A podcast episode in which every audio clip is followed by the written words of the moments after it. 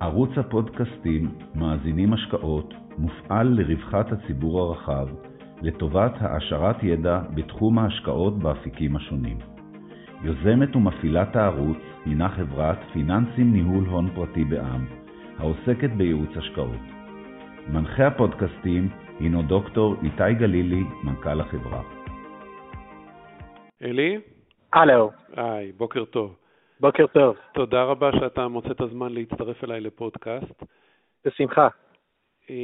אני יוצר איתך קשר על רקע הניסיון שלך בתחום של הכלכלה האמריקאית, קפיטליזם אמריקאי, ואנחנו נרצה לדבר היום על מה שקורה בארצות הברית בפרספקטיבה יותר רחבה. בדרך כלל אנחנו מתעסקים בהשקעות ותחומי השקעות יותר קונקרטיים, אבל אנחנו רואים פערים כל כך גדולים בין מה שקורה בשווקים לבין מה שקורה בכלכלה ובפוליטיקה האמריקאית, שהפרספקטיבה שלך מאוד מעניינת לתחום הזה.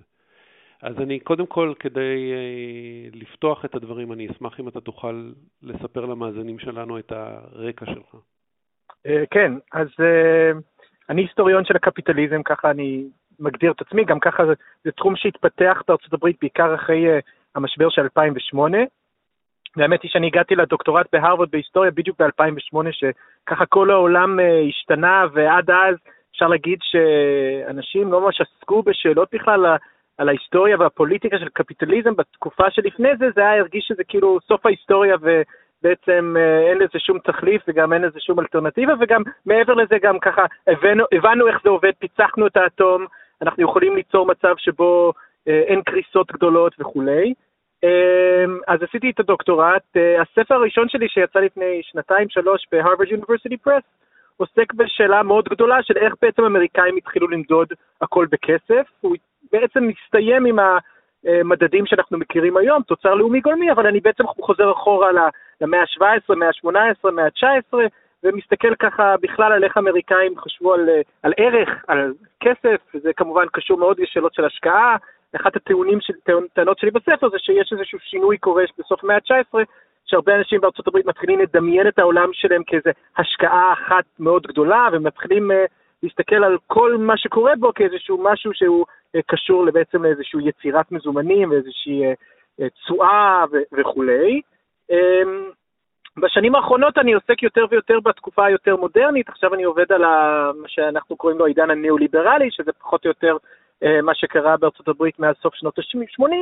אה, כרגע אני מתעניין באמת מאוד בשאלות של אה, The Shareholder Value Revolution, כלומר איך קרה בארצות הברית שבאמת המחיר של המניה הפך להיות המדד בעצם לכל תאגיד ואיך הוא צריך בעצם להתנהל, וגם יותר רחב, ורואים את זה אגב, כמו שדיברת היום, על כמה שהבורסה והמדדים של הבורסה והדאו ג'ונס וכולי, כמה שהוא הפך להיות כלי כל כך חשוב בעיני פוליטיקאים כמו טראמפ ואחרים, ככה להראות שבעצם אה, הם מצליחים וכולי, ומצד שני, אנחנו רואים בשנים האחרונות אה, איזשהו ניתוק, כמו שאתה ציינת בדיוק, בין אה, מחירים של נכסים בקפיטליזם האמריקאי לבין ככה מה בפועל קורה בש... בכלכלה עצמה.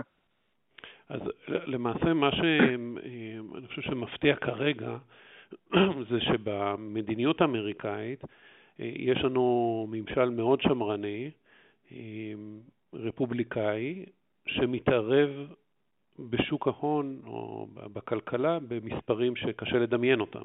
כן, כן. איך, אה, תשמע, שזה, איך אתה מבין את ה... קודם, כל, אני, אני דווקא לא רואה את זה ככזה דבר חריג. בואו בוא נחזור אפילו לרייגן. רייגן היה כזה הסמל של כביכול הכלכלה השמרנית האמריקאית, אבל זה תמיד היה קצת כביכול. בסופו של דבר, מי שמכיר קצת את ההיסטוריה האמריקאית יודע שהוא העלה דווקא את הגירעון בצורה מטורפת. אמנם הוא קיצץ בתוכניות רווחה והאמין בדה-רגוליזציה, בטח של שוק ההון, אבל מצד שני אנחנו יודעים שהתקציבים לא ירדו, אפילו עלו בתקופה הזו. אז תמיד לשמרנים האמריקאים, במיוחד שהם בשלטון, הם הרבה יותר נדיבים. דווקא הקמצנות המפורסמת של הרפובליקאים בדרך כלל באה לידי ביטוי כשהם באופוזיציה, וזה פשוט ציניות, אין לי מילה אחרת לזה, הם לא רוצים שהכלכלה תצליח כשהדמוקרטים בשלטון, ולכן בדרך כלל פתאום הופכים להיות אה, אה, אה, ככה לוחמי הגירעון והחוב, אה, ובדיוק הכל מתהפך. אז, אז במובן הזה אין חדש תחת השמש, אני חושב שטראמפ הוא בטח לא איזה אידיאולוג שמרני שחשוב לו הגירעון או ה... וכולי, אבל אין ספק שאתה צודק, למרות זה שעדיין מה שאנחנו רואים באמת זה, זה רמות אחרות של התערבות בשוק ההון, ופה אני חושב שזה קשור בעצם לארכיטקטורה של הניאו-ליברליזם, לקפיטליזם המודרני, ולא רק בארצות הברית, וזה העובדה שהרבה יותר קל היום למדינה, דרך הבנק המרכזי, להתערב בשוק ההון מאשר אה, קל לו להתערב בעצם במדיניות פיסקלית, בהוצאה הציבורית, כלומר זה בעצם אסור, אתה יודע, בנק מרכזי הוא עצמאי וכולי, הוא לא יכול פשוט להתחיל להדפיס כסף, אבל בפועל מה שאנחנו רואים שזה, אה, אנחנו רואים איזשהו אה, עולם שכן צינורות הכסף כל הזמן מלאים וזורמים, אבל זה לבנקים ולשוק ההון. אני רק אגיד משפט אחרון לגבי כל העניין הזה, שבעצם אני חושב גם שיש פה עניין, מעבר רק לפוליטיקה המקומית כאן, באמת שאלה יותר גדולה של איך בעצם אנחנו צריכים בכלל לנהל את השאלה הגדולה הזו, שהיא שאלה גדולה בארצות הברית כבר יותר ממאה שנה, של היצע כסף בכלכלה, מי בעצם מחזיק בשלטר, מתי הוא יכול, אה, אתה יודע, להרים אותו ומתי הוא צריך לסגור אותו. איך אתה מבין את ה... את העוצמה של המשבר הזה, או איך, איך האמריקאים מתמודדים איתו, איך, איך הם חושבים כן. לפתור את זה, הדפיסו הרבה כן. מאוד כסף. כן. מה אתה מבין במקבלי ההחלטות, מה האסטרטגיית יציאה שלהם מהעולם של הדפסת כסף כל כך מסיבית? זו שאלה מעולה. אז קודם כל, בואו נסתכל על זה מהנקודת מבט של טראמפ. טראמפ מזמן כבר, וזה ברור, הוא כאילו הכניס לראש שלו ש... הדאו ג'ונס זה כאילו היותר חשוב לו מה-approval rating, מאחוזי אה, תמיכה בו, הוא חייב שהדאו יהיה חזק, אחרת הוא יאבד את התמיכה של ה... אה, בוא נגיד 42% מהאנשים שהוא חייב בשביל אה, נניח אולי להפתיע שוב. לפעמים זה עולה אפילו על 45%, תלוי ביום. אז במובן הזה אני חושב... אתה חושב שזה נכון? זאת אומרת, אתה מרגיש שמהשיח הפנימי בארצות הברית יש בסיס לטענה הזאת? אה, שאלה טובה. אני חושב שלא. אני חושב שבסופו של דבר טראמפ מסתנוור קצת מה-cable news, ואולי הוא צופה קצת יותר מדי בבלומברג. בוא נגיד ככה, 90% מה, מהכסף בשוק ההון נמצא אצל העשירון העליון, 50% מהכסף בשוק ההון האמריקאי נמצא אצל מאיון העליון. מן הסתם זה העולם שטראמפ רואה. דווקא אני קצת, אה, אפשר להגיד שאני, אפשר להגיד קצת מאוכזב מטראמפ, כי דבר אחד שאפשר להגיד על טראמפ זה שהאינסטינקטים הפוליטיים שלו הם בדרך כלל נכונים. אני לא חושב ש... אה, במקרה הזה הוא, הוא, הוא קורא נכון את המפה הפוליטית, אבל מי יודע, זה, זה הוא. אבל, אבל אין ספק שקודם כל יש לחץ מבית הלבן על הבנק המרכזי להרים את הבורסה. כלומר, זה ברור, אנחנו יודעים את זה, הוא יורד על ג'יי פאול, הוא לוחץ על ג'יי פאול, וג'יי פאול בתגובה אה, לפעמים גם עושה את מה שטראמפ אה, מבקש. למרות שצריך להגיד שאני חושב שהרבה מהמהלכים שהבנק המרכזי עכשיו עושה בארצות הברית, הוא היה עושה ממילא. והסיבה שאני חושב על זה, זה קודם כל מבחינתי, הלקח הגדול של השבועות האחרונים, החודשים האחרונים כבר, זה כמה שבעצם התגובה הבאמת אז לא קונבנציונלית של הבנק המרכזי אחרי 2008, ה-quantitative easing וכולי, כמה שזה בעצם הפך עכשיו לנורמה, ובעצם זה לא נראה לי כל כך חריג, או לאמריקאים, ובטח לא לשוק ההון, זה לא נראה כל כך חריג, אה, שבזמן הזה הם מדפיסים את כל הכסף, והם התרגלו לזה, הם ציפו לזה. אתה יודע, אנחנו יודעים שתאגידים אמריקאים בשנים האחרונות מינפו את עצמם מפה להודעה חדשה, הם לא מטומטמים, הם ידעו בדיוק למה לעשות את זה, כי אם יהיה משבר, יבוא אה, הבנק המרכזי, והנה, יקנה מהם את האגרות חוב אפילו בצורה ישירה. שעל זה באמת לא, לא דמיינתי שיקרה, ואנחנו יודעים שהקימו כל מיני, אני לא זוכר, קוראים לזה עכשיו ETFs, יש לזה כל מיני שמות, אבל בפועל אנחנו יודעים שזה, תאגידי ענק יכולים היום להנפיק אגרות חוב והבנק המרכזי פשוט יקנה אותם.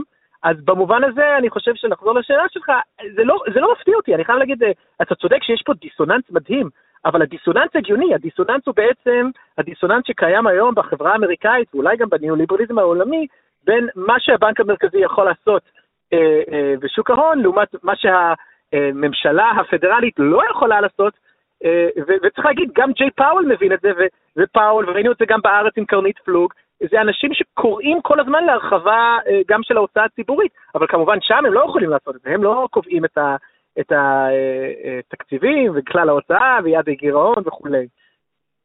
אז למעשה מה שאתה אומר זה שהם לא מאמינים שהסקטור הציבורי יכול להוציא תוכניות רחבות לפועל. וברגע ש... אני חושב שהם... ש... שבסופו של דבר, מתי שמגיעים לשעת משבר, שצריך ל... ל... ל...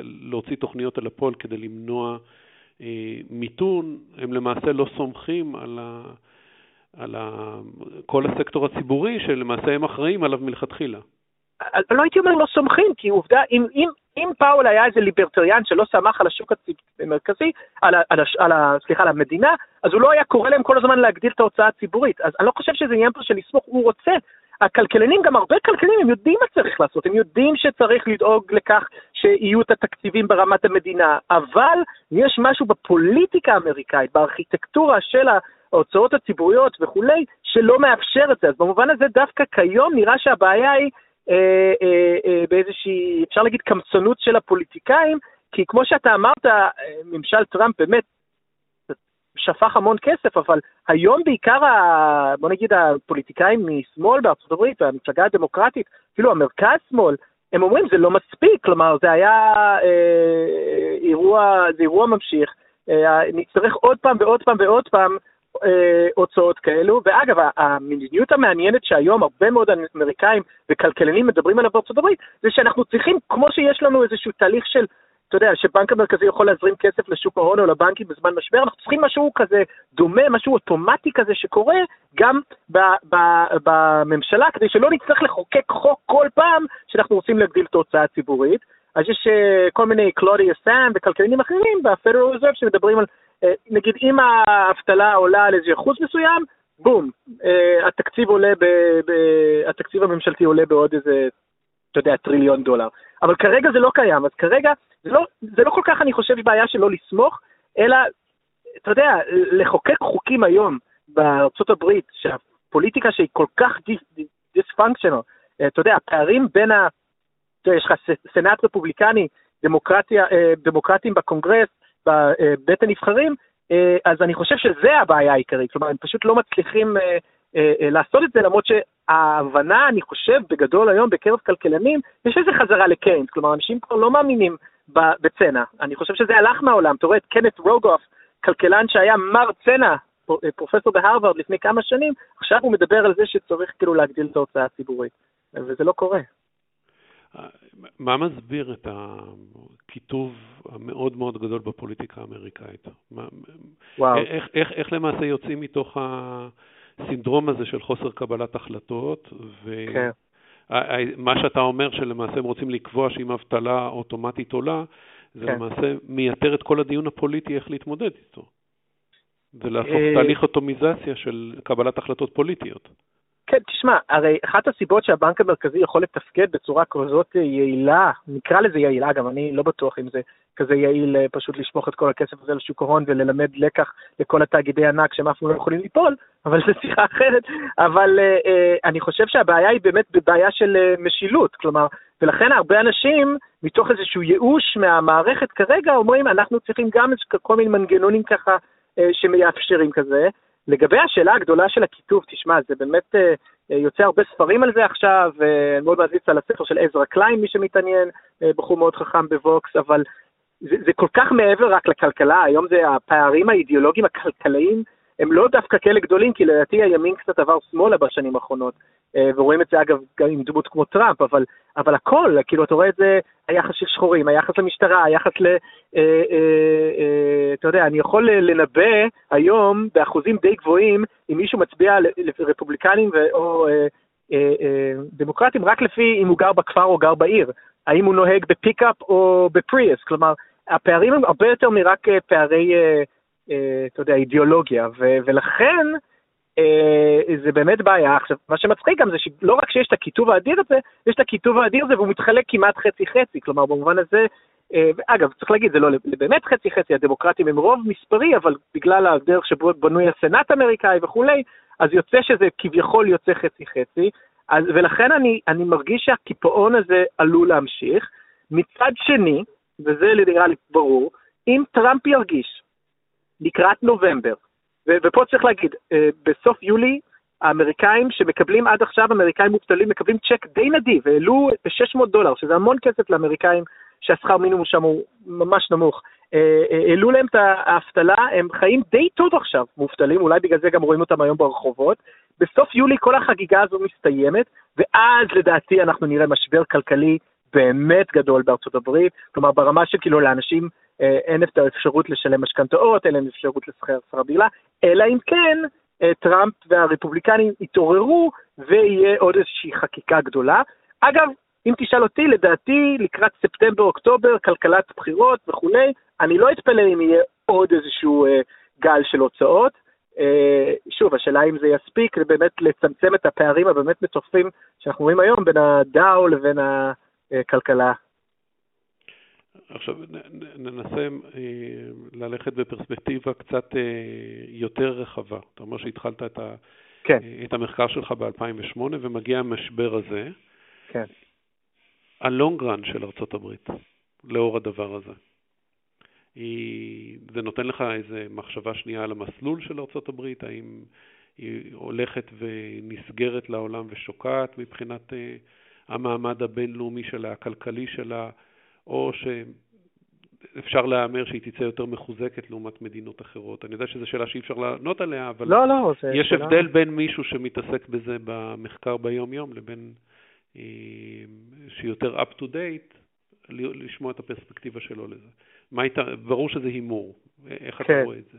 אז, אז אה, קודם כל, בעיניי ארה"ב שוקעת, זה תהליך ארוך, זה תהליך שהתחיל, אפשר להגיד שהוא אפילו התחיל כבר בסוף שנות ה-70, תחילת שנות ה-80, אה, שהם איבדו הרבה מהיתרונות היחסים שלהם בייצור ובתעשייה, אה, אבל אני חושב שבאמת ה, ה, אולי ה, הלקח הגדול מ-2008 הוא גם החוסר יכולת של ארה"ב לתרגם את השוק ההון שלהם להשקעות באמת טובות, שאתה יודע, מעל, מעלות את הפריון, מגדילות את ההשקעה, אתה יודע, טכנולוגיות חדשות. בעצם מה שאנחנו רואים, וזה התחיל לפני 2008, אבל באמת הפך להיות ראינו את זה גם עם הקיצוץ מיסים של טראמפ, שאתה יודע, כל ה-supply side economist אמרו לו, אה, עכשיו יהיה כסף להשקיע במפעלים חדשים, בטכנולוגיות, והכל הלך, אה, כל התאגידים קנו את המניות חזרה בעצמם, שוב, למה? להעלות את מחיר המניה, כי זה מה שהם צריכים לעשות, גם כי המנכ"לים מאז שנות ה-90 בארצות הברית, הרבה מהבונוסים שלהם קשורים בעצם למחיר המניה. עכשיו, לדעתי הדבר הזה לא יכול להמשיך לנצח, כאילו, אה, בכל זאת, מתישהו המציאות תגיע והקשר בין המחיר המניה לבין ה... הביצועים בפועל של התאגידי הענק האלה, אתה יודע, יהיה... אז במובן הזה אני כן חושב שארצות הברית שוקעת. דבר שני שאני חושב שגורם לארצות הברית לשקוע, זה שכיום אנחנו יודעים שהיתרון האדיר של ארצות הברית, היצוא הכי חשוב של ארצות הברית זה הדולר. זה, זה בעצם מה שהאמריקאים מייצאים, מייצאים דולרים. אה, אתה יודע, כל אחד, כנראה, אין, אין, אין מספיק אה, דולרים בעולם הזה, אין מספיק חוב לאומי כרגע בארצות הברית, שמספיק, אה, אתה יודע, למלא את התיאבון של משקיעים בינלאומיים וכולי, ואתה יודע, מבחינתי השאלה הגדולה, ואני מדבר פה באמת רחב, זה מתי היום הזה מגיע שפתאום האמריקאים, לא יודע, מסתכלים על ארה"ב, על החוסר יציבות אולי שלה, הפוליטית, אתה יודע, אולי זה קשור גם למעונות שאנחנו רואים, ההתמודדות עם קורונה, ופתאום האגרות חוב אמריקאיות האלה, הדולר הזה כ-reserve currency של העולם, פתאום לא נראה כזה אה, אה, יציב. אטרקטיבי. כן, אז, אז אה, אגב, יש גם היסטוריונים שעוסקים בשאלות האלה, וזה מאוד מעניין, יש היסטוריון אחד, ג'ובאני אריגי, היסטוריון אה, איטלקי מאוד מפורסם, שהוא בעצם מסתכל על העלייה ושקיעה של אימפריות קפיטליסטיות לאורך כל ההיסטוריה. הוא כאילו מתחיל עם איטליה, עם ה, אתה יודע, המאה ה-14, אה, עם ה... city states האלה, כמו uh, משפחת מדיצ'י, אחרי זה המוקד עובר יותר להולנד במאה ה-17, אחרי זה אנגליה, מאה ה-18-19, ואז ארה"ב, ומה שהוא מראה זה שיש פה, הוא טוען שיש פה איזשהו מעגל שאתה רואה שבדרך כלל המעצמות הגדולות עולות דרך ייצור, דרך תעשייה, דרך באמת יצירה של מוצרים, של פריון, של תפוקה וכולי, הדעיכה מגיעה בדרך כלל אחרי תהליכים של financialization, כלומר אחרי תהליכים שבהם אתה כבר, אין לך את היתרונות היחסים התעשייתיים האלה, אתה עובר למשחקים פיננסיים, ובסוף המשחקים הפיננסיים האלה אה, משאירים אותך אה, מאחור. אז במובן הזה, אה, צריך להגיד לאריגי, באמת, נראה שהפעם הוא צודק, כלומר, הוא, הוא מנבא, כלומר, שסין כמובן תהיה האימפריה הבאה, ואני חייב להגיד, אני, אני די... די מסכים איתו בתמונה הגדולה הזאת, שהמאה ה-21 כנראה יהיה שייך uh, לסינים. טוב, אז זה משאיר אותנו עם הרבה סימני שאלה, איך, איך מנהלים השקעות מפה קדימה. אה, משקיעים בסין, לא, לא יודע, אני לא, אני לא, אני לא, אני לא עוסק בזה, אבל... אה, אבל הפרספקטיבה הזאת היא מאוד מאוד חשובה, וזה רק אומר שצריך להיזהר יותר ולהיות יותר חשדניים לגבי הפעולות המוניטריות שאנחנו רואים לנגד עינינו, ולשמור על זהירות, כי לא לעולם חוסן, אני מניח. כן, לא, גם זה באמת מרתק, כי העולם באמת של ההשקעה היום, כפי שאני רואה את זה, זה באמת צריך להבין קצת פחות אולי בתאגידים עצמם, ואתה יודע, מה המוצר החדש בשוק וכולי, ואתה צריך באמת יותר חשוב להבין מה בעצם ה... הפסילידי החדש שהפדרל רזרב קנה ובנה כדי לקנות, כלומר זה באמת, זה עולם אחר, זה פוליטיקה אחרת, זה, זה שאלות של באמת השקעה אחר, אחרות. אלי, תודה רבה, תודה רבה על הזמן שלך ועל התובנות. בשמחה, כל טוב.